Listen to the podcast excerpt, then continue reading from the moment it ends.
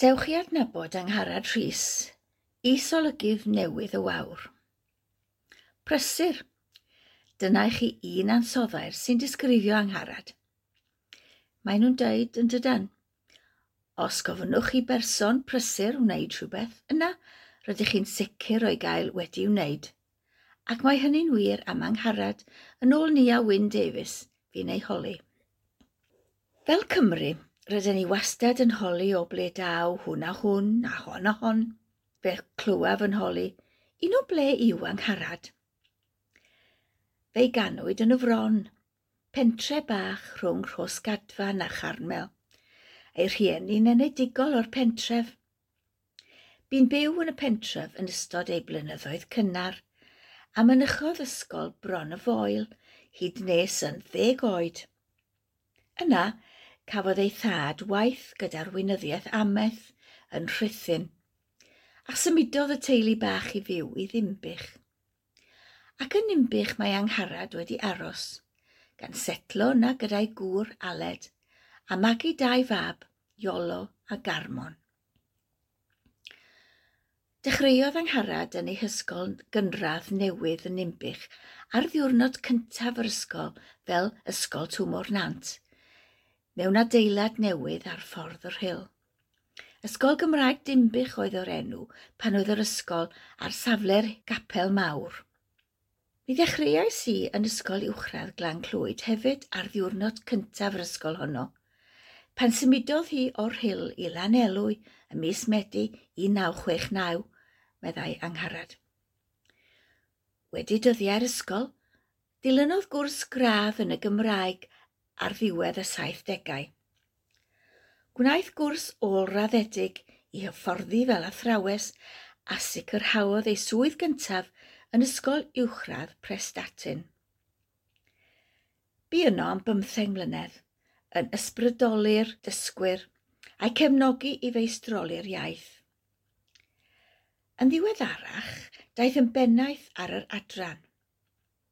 Yna, Trodd ei golygon at yr wyddgrug pan gafodd ei phenodi'n bennaeth adran y Gymraeg yn Ysgol Maes Garmon.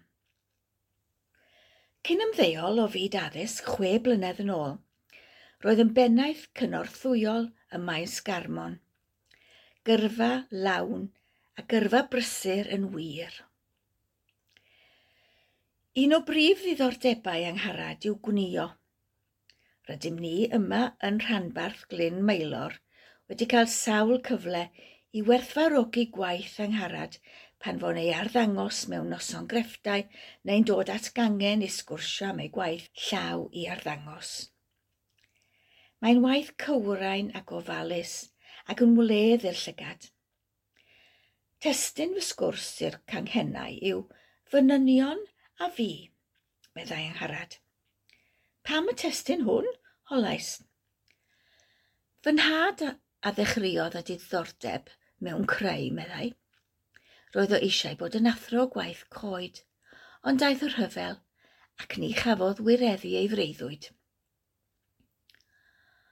Ond roedd o wastad yn gwneud pethau, yn waith coed, yn dapestri, ac efo fo yn y cwt roeddwn i'n hoffi bod yn cnocio hoelion i bren a helpu gyda'r creu. Dwi wrth fy modd gyda'r elfen ymarferol yn y creu. Felly, fo yw un o'r dynion yn y teitl. Y dynion eraill yw fy ngŵr a'r hogiau.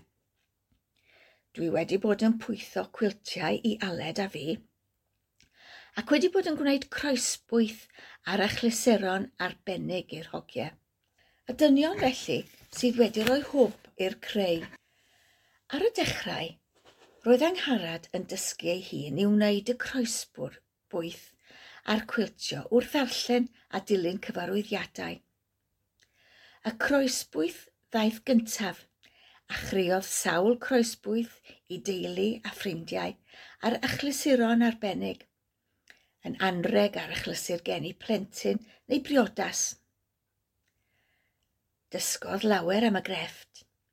Yn nes ymlaen ar gyrsiau Joyce Jones ym mhlas tan y bwlch. Yna, daeth y cwiltio a'r cwiltio sy'n mynd a'i bryd ar y funud.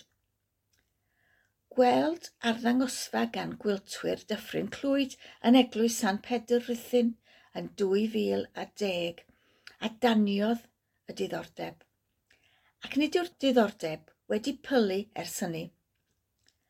Rhoddodd cwiltwyr dyffryn clwyd gyfleoedd di-ri iddi ddatblygu gwahanol sgiliau. Hoffa'r patrymau hafal cytbwys sydd i gwiltio a mwynha'r her i lunio'r patrymau hyn. Hoffa hefyd ddysgu am hanes a chefndir cwiltio yng Nghymru a thramor – Mae'n siŵr bod y crefftwr agedd yn ein plith yn cofio i angharad arwain cwrs crefft y gogledd ddwywaith cyn clôr Covid a chroi ar ben ffordd gyda chlytwaith. Ac iddi hefyd gynnal sesiwn grefft ar Zoom yn 2021 ar sut i wneud cennin Pedr gan ddefnyddio unrhyw ddefnyddiau ffabric yn y tŷ.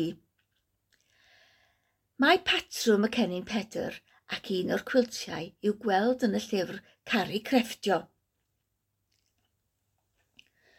Diddordeb arall yw teithio.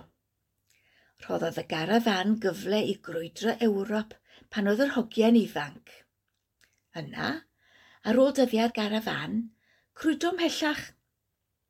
O'r holl wyliau, saif ambell un allan, fel y gwyliau a gafwyd yn Efrog Newydd a'r achlysur penblwydd arbennig a'r gwyliau yn Vietnam a Chambodia, heb anghofio am y bwyd arbennig pan yn bwyta allan ar wyliau yn Ffrainc ar Eidal.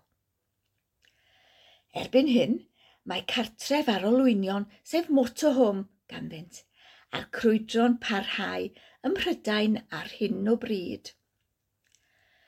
Mae Angharad yn aelod o gangen Dymbych, ac wedi bod yn llywydd y gangen ddwy flynedd yn ôl. Ers tair blynedd, angharad yw cynrychiolydd rhambarth Glynmeilor ar yr is-bwyllgor gwyl a hamdden, ac yn ddiweddar, mae wedi ymgymryd a swydd is-olygydd y wawr. O fod yn aelod o ferched y wawr, rwyf wedi cael cyfle i gwrdd a llawer iawn o bobl newydd.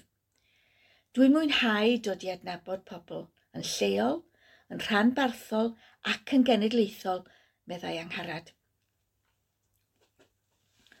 A'i phrofiad y maes erthyglau a golygu, y nyddiau coleg, cyfrannodd ambell erthygl i gylchgrawn pais.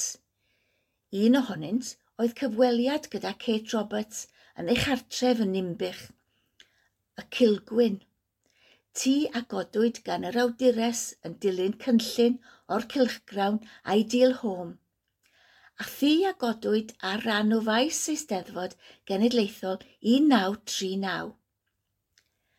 Pan oedd hafina clwydwn o'r olygydd, bu'n adolygu llyfrau a dramau ar gyfer y faner. Dechreuodd papur bro dimbych y bigwn yn yr 80au a bu angharad yn un o'r golygyddion ers y dechreuad.